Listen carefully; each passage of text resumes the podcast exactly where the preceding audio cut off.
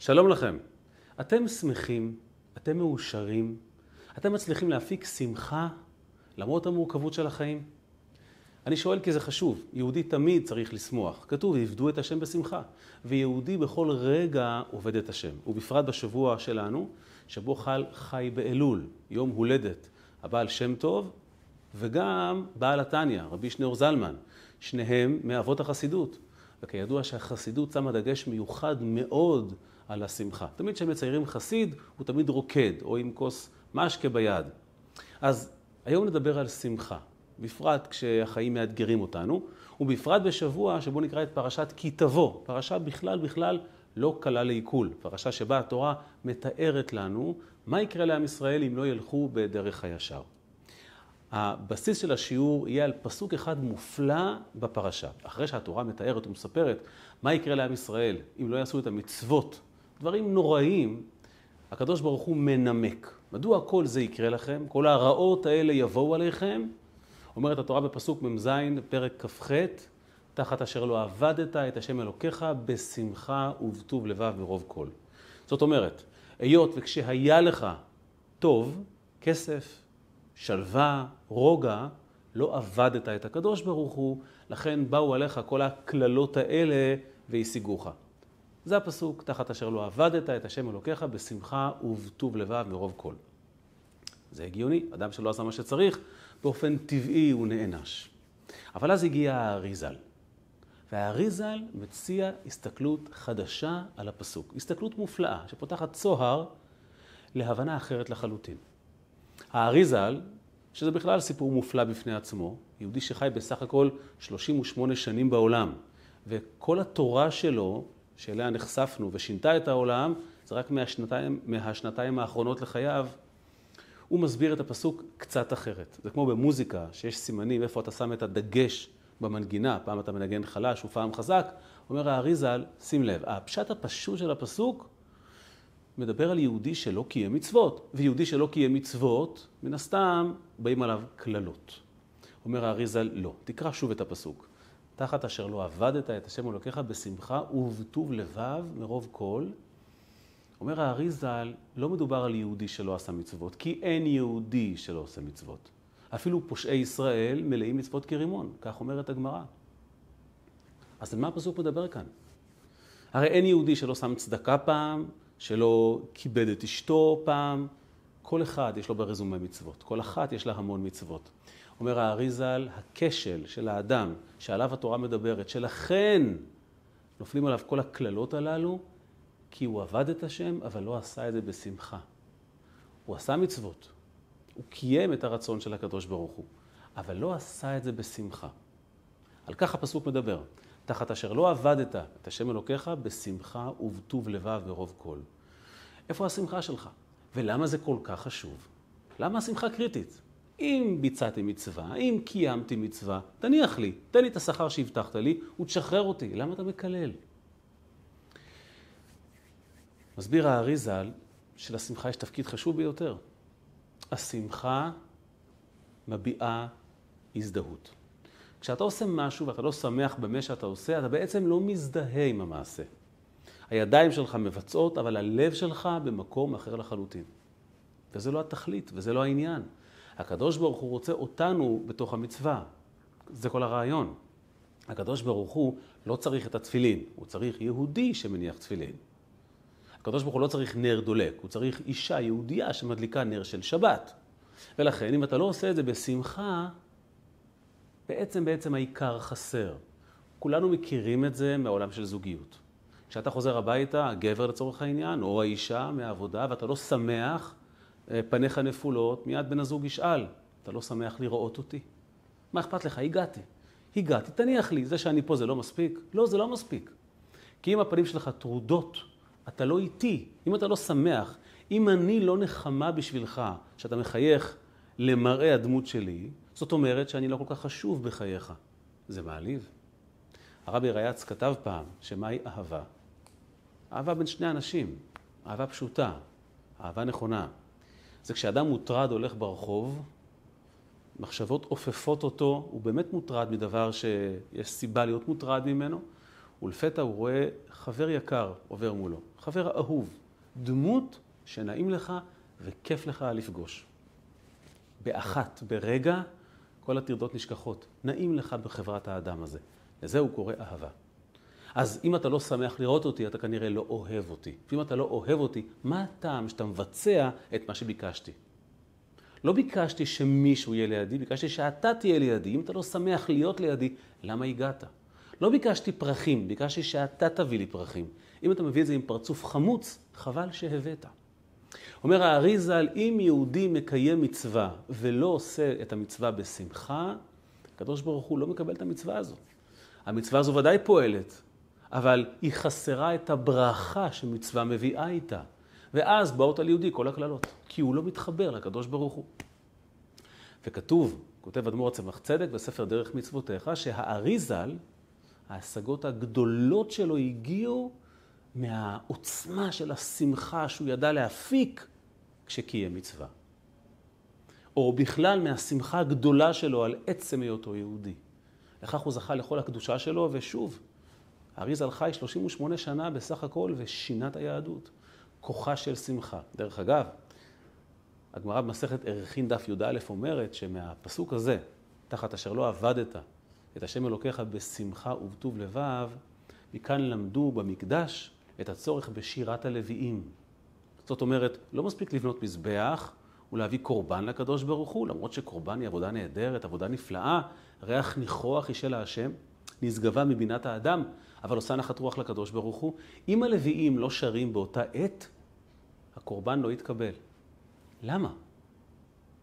כי השירה מביעה שמחה, היא מביעה הזדהות. אדם עצוב לא ישורר, הוא יקונן. ולכן, אומרת הגמרא, מכאן למדו שצריכים לשיר. והמהרש"א כותב על אותה גמרא, שמפה רואים את גודל העונש על חוסר השמחה. מדוע? אם לא תשירו בבית המקדש, עוד אתם עתידים לשיר אצל האויב. אתה תיפול בידי האויב ושם יכריחו אותך לשיר. כמו שראינו במקרים כואבים מאוד של עם ישראל בתקופות אפלות, איך הכריחו אותנו לשיר. איך נשיר את שיר השם על אדמת ניכר? שירו לנו משיר ציון. השובים הכריחו את בני ישראל לשיר להם את השירים שהם באו אותם מבית אבא. אז רואים שהשירה, השמחה, היא לא משהו צדדי, זה לא תהיה שמח, לא. המצווה בעצם, בעצם השמחה מביעה הזדהות וחיבור, ולולא השמחה חסר, ולכן הקללות, הטרדות, ממלאות את החיים שלנו. אז דבר ראשון, כשעושים מעשה, ועושים מעשה נכון, בזוגיות, בעבודת השם, זה חייב להיות בשמחה. אנחנו יודעים את זה מאור הפנים. נו, נהדר, מקסים. אבל מסתבר שיש דרגה גבוהה יותר. אחרי שהאריזדל גילה את הסוד הזה, הוא פתח את הצוהר לעולם השמחה, הגיע הבעל שם טוב. 200 שנה אחרי האריזל, הגיע הבעל שם טוב. 1698 הוא נולד, שנת נחת בשנה העברית, הביא נחת לעם ישראל, והבעל שם טוב האיר את הפסוק הזה באור עוד עמוק אפילו יותר מכך. לא סתם לידתו השבוע בחי באלול הביאה חיות מחודשת לעולם. אומר הבעל שם טוב, ודאי, קיום מצווה זה הרי עניין אלמנטרי, ולכל יהודי יש המון מצוות ברזומה. לשמוח, הרי מהותו של חסיד זה לשמוח. והבעל שם טוב הוא הרי מייסד החסידות. אומר הבעל שם טוב, שים לב לפסוק, תחת אשר לא עבדת את השם אלוקיך בשמחה ובטוב לבב מרוב כל. אז הפשט הפשוט, לא עשית מצוות כשיכולת. הפירוש של האריזה על עשית אך לא בשמחה. אומר הבעל שם טוב, הפסוק הזה מדבר על יהודי שעשה מצוות וגם עשה את המצוות בשמחה. ולמרות כל זאת, מצבו כל כך רע. קללות נוראיות רודפות אותו. זאת אומרת, טרדות וחוסר חוסר מנוחת הנפש. למה?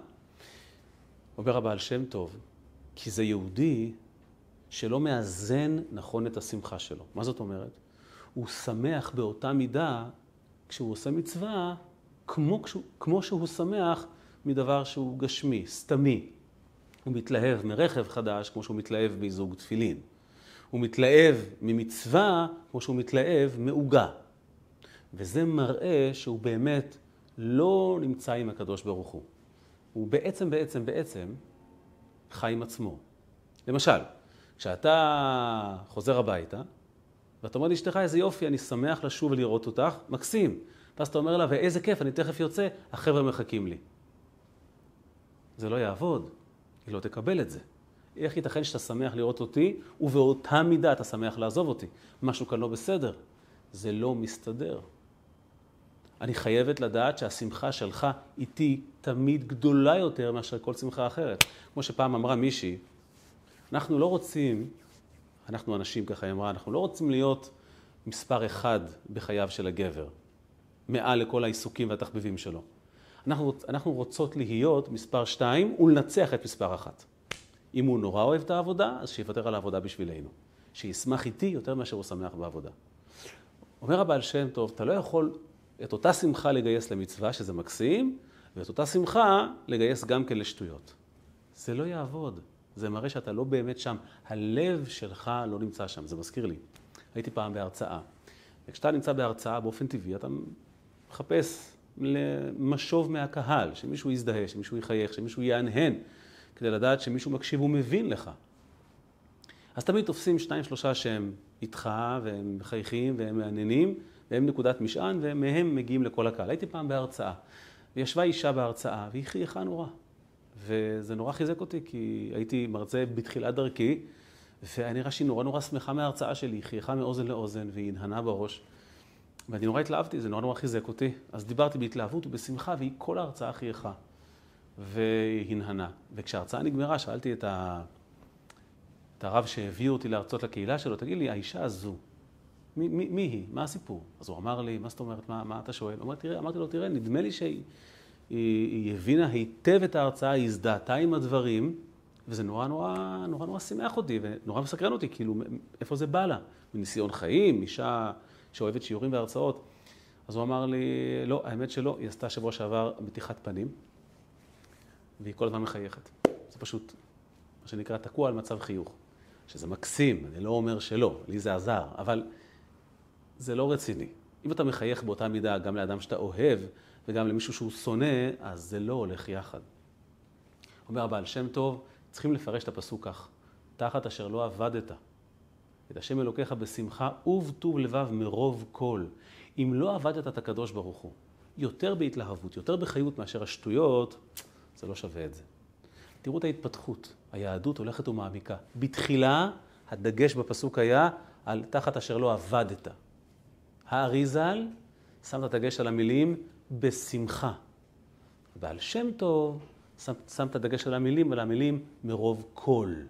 אתה חייב שהשמחה שלך במצווה תהיה גדולה וחזקה יותר מכל דבר אחר. נפלא, נפלא ומקסים. אבל אז הגיע נכדו הרוחני, תלמיד תלמידו של הבעל שם טוב. הלא הוא בעל התניא, רבי שניאור זלמן מילדי המפורסם, מייסד חסידות חב"ד. והוא חושף עומק עוד עמוק יותר אפילו מכך. מסתבר שאפשר עוד להעמיק.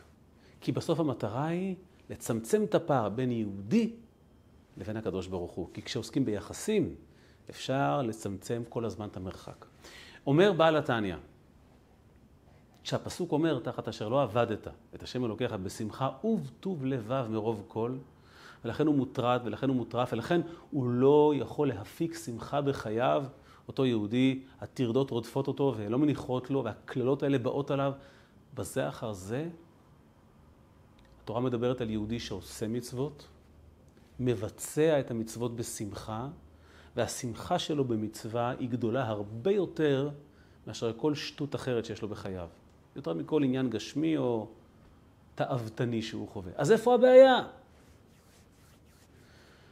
אומר בעל התניא, את המילים מרוב קול אני מפרש קצת שונה. מדובר על יהודי שעושה מצוות ובשמחה, אבל המטרה שלו הפנימית זה כדי לזכות בגן עדן. הוא רוצה להגיע לגן עדן.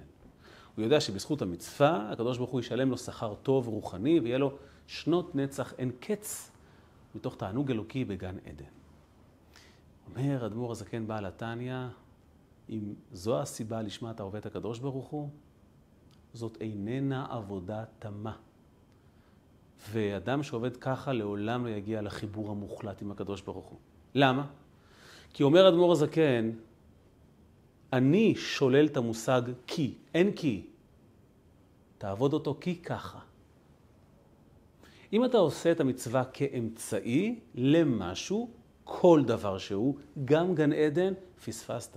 כי הקדוש ברוך הוא הוא כבר לא היעד שלך. זה כמו שאתה אומר לאשתך, תקשיבי, אני זקוק לך בחיי כי, כי, אין כי, ככה. אני זקוק לך בחיי, אין שום סיבה. מצווה בלשון החסידות היא צוותא, שזה אומר חיבור, אבל לא חיבור טכני, כמו בין שולחן לכיסא או בין שני אה, אה, צינורות.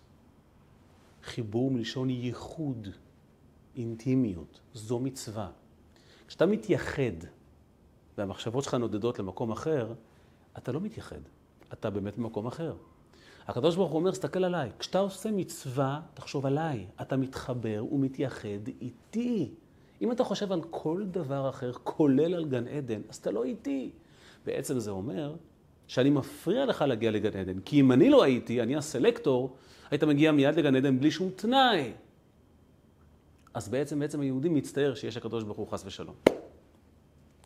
אומר אדמו"ר הזקן, מדוע יבואו כל הקללות תחת אשר לא עבדת את השם אלוקיך בשמחה ובטוב לבב מרוב כל לא ייחסת את הערך הנכון, את השמחה הנכונה במקום הנכון, והיא יותר מכל דבר אחר אני שמח על עצם הקשר שלי עם הקדוש ברוך הוא, בלי לצפות ובלי לייחל לשום תמורה שהיא.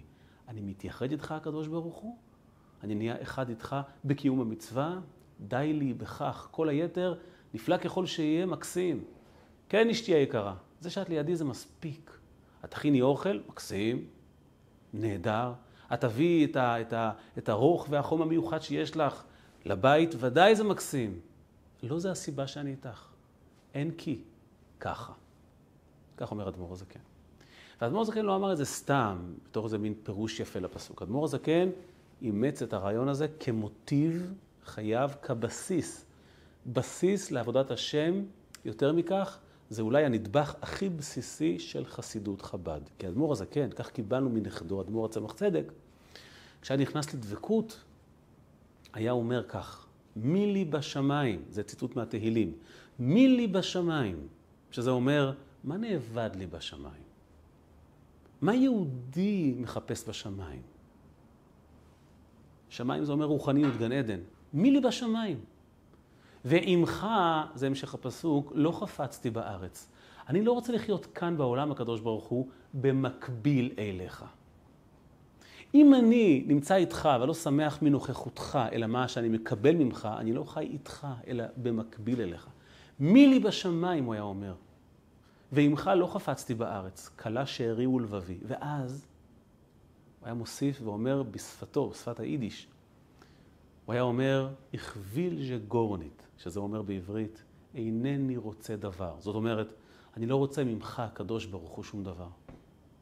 הכבילנית דיין גן עדן. אני לא רוצה את גן העדן שלך. הכבילנית דיין אוילום הבו. אני לא רוצה את עולם הבא שלך. הכביל מרנית, אינני רוצה יותר מאשר, אז דיך עלינו, אותך בעצמך. ככה הוא היה אומר. לא את הגן העדן שלך ולא את העולם הבא שלך, אותך בעצמך. ואנחנו קיבלנו את זה משום שזה נוגע בעצם לכל יהודי. בפרט בדור שלנו, שאנחנו לא כאלה צדיקים שמי יודע מה מובטח לנו, אבל אנחנו לא צריכים שום דבר. אם בעת קיום המצווה אנחנו מתייחדים עם הקדוש ברוך הוא, זה די והותר. וכך הגענו לנקודה העמוקה ביותר ביחסים בין יהודי לקדוש ברוך הוא, כמו הנקודה העמוקה ביותר ביחסים בין איש לאשתו. התחלנו עם פירוש פשוט שאומר, פשוט תעשה מצוות.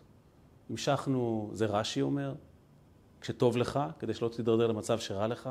המשכנו עם האריזל שאומר, תעשה בשמחה. בואכה בעל שם טוב שאמר, בשמחה יותר מכל שטות אחרת. עד אדמו"ר הזקן שאמר, תעשה מצווה פשוט כי אתה מתחבר לקדוש ברוך הוא, ואל תייחס חשיבות לשום תמורה שהיא.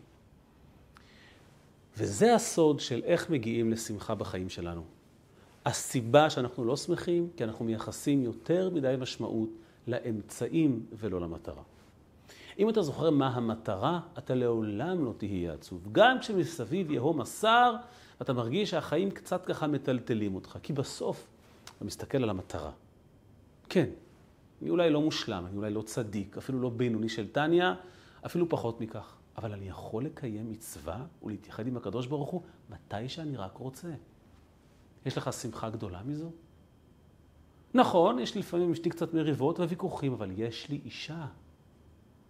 נכון, הילד לפעמים מאתגר אותי קצת, או הילדה קצת לפעמים מאתגרת עם כל מיני עניינים, אבל יש לי ילד ויש לי ילדה. נכון, אולי הבוקר קמתי ויש איזה אתגר שככה מטלטל אותי, אבל אני חי. הלב פועם. ובכל רגע אני מתייחד עם הקדוש ברוך הוא כשרק ארצה. אם אני לא מקשיב לרעשי הרקע, אני לא אפסיק לשמוח, כי השמחה נובעת מהמקום העמוק ביותר, מההזדהות העמוקה ביותר של יהודי עם הקדוש ברוך הוא, ואצל הקדוש ברוך הוא רק עוז וחדווה במקומו. אין עצבות, כי עצבות זה חוסר, ואצל הקדוש ברוך הוא אין חוסר. וכשאתה עושה את הדבר הנכון, אפילו שהתפאורה נראית לו משהו, אתה יושב על שמחה אמיתית, כי המהות היא מהות טובה ונכונה.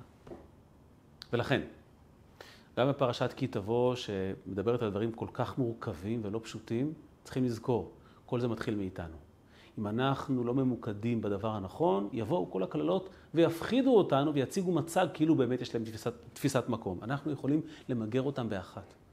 כשנביט אל המציאות האמיתית כפי שהיא, אל המטרה האמיתית כפי שהיא. ולכן, למשל, הרבי מלובביץ' היה תמיד כותב לאנשים שביצעו שליחויות מטעמו. הוא מבקש שיעשו את זה, אבל בשמחה ובטוב לבב. אם זה לא בשמחה, לא תוכל לעמוד במשימה הזו בכלל. כי תמיד רעשי רקע יפריעו לך. אם אתה עושה את זה בשמחה, מי יוכל לעצור אותך? אתה יודע מה המטרה שלך, אתה תגיע אליה בסופו של דבר. נסיים, זה כמו הסיפור המפורסם, שסיפרה אישה מופלאה, שהקדוש ברוך הוא ישלח לה אריכות ימים. היא הייתה בתו של החסיד יצחק רסקין, אחד מהרוגי, הרוגי אה, לנינגרד, בתקופה של סטלין, כמות גדולה של חסידים הוצא להורג, והיא הייתה בתו של אחד מהם, והיא עברה חיים לא פשוטים בכלל, והיא התחתנה עם אברך הבעדי, ואחרי החתונה הם נאבקו לצאת מרוסיה הקומוניסטית, מאבק איום ונורא, ואחרי שהם הצליחו, אחרי עשר שנים לצאת מהגהנום הזה, הם רצו לטוס להיות קרובים כמה שיותר אל הרבי מלובביץ' כחב"דניקים, אבל הרבי הורה להם שייסעו לתוניס לפתוח שם בית חב"ד. מדובר על שנות ה-60, לנסוע לתוניס לפתוח בית חב"ד, זה הרי אתגר מטורף. אבל הם עשו את זה כמו חיילים נאמנים. נסעו, פתחו בית חב"ד, וקורותיהם ועלילותיהם, זה סיפור בפני עצמו. היו ימים של סכנת חיים ממש, שהיו צריכים לצאת מהמדינה ולחזור אליה, והם נשארו שם כחיילים איתנים ונאמנים. ואז, אחרי עשר שנים בשליחות הכל כך מורכבת הזו, הם סוף סוף קיבלו את האישור של הרבי לטוס לניו יורק ולהיפגש איתו. כי הרבי לא ישר כל כך מהר לעזוב את המעוז של השליחות. אז הם תעשו, והיא מספרת, הגענו, אחרי כל התופת שהיא חוותה ברוסיה כילדה, ואחרי השליחות האינטנסיבית בתוניס, היא סוף סוף נפגשת עם האדם ששלח אותה. המתינו בתור, והדלת נפתחה, והיא נכנסה אל חדרו של הרבי, ואיך שהיא ראתה אותו, היא פרצה בבכי, והוציאה מהפה רק משפט אחד. היא אמרה לו, רבי, אנחנו חיילים שלך. היא אומרת שהרבי חייך חיוך רחב וגדול, ואמר לה, אבל חיילים שמחים.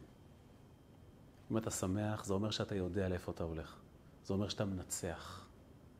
אם אתה לא שמח, זה אומר שלא הבנת מה המטרה, ואז רעשי רקע תמיד יפריעו לך. אז זכינו שבחי באלול נולדו שני המאורות הגדולים, הבעל שם טוב והאדמו"ר הזקן, שהאירו את חיינו באור כזה שפתאום המטרה בהירה, וככה אפשר לצעוד אליה מתוך שמחה, ובסוף לנצח. וכפי שנהגה לומר, וכפי, וכפי שנהגה לומר, אישה מפורסמת, לא המנצח שמח. השמח הוא זה שמנצח. שנשמח וננצח בעזרת השם. שלום לכם.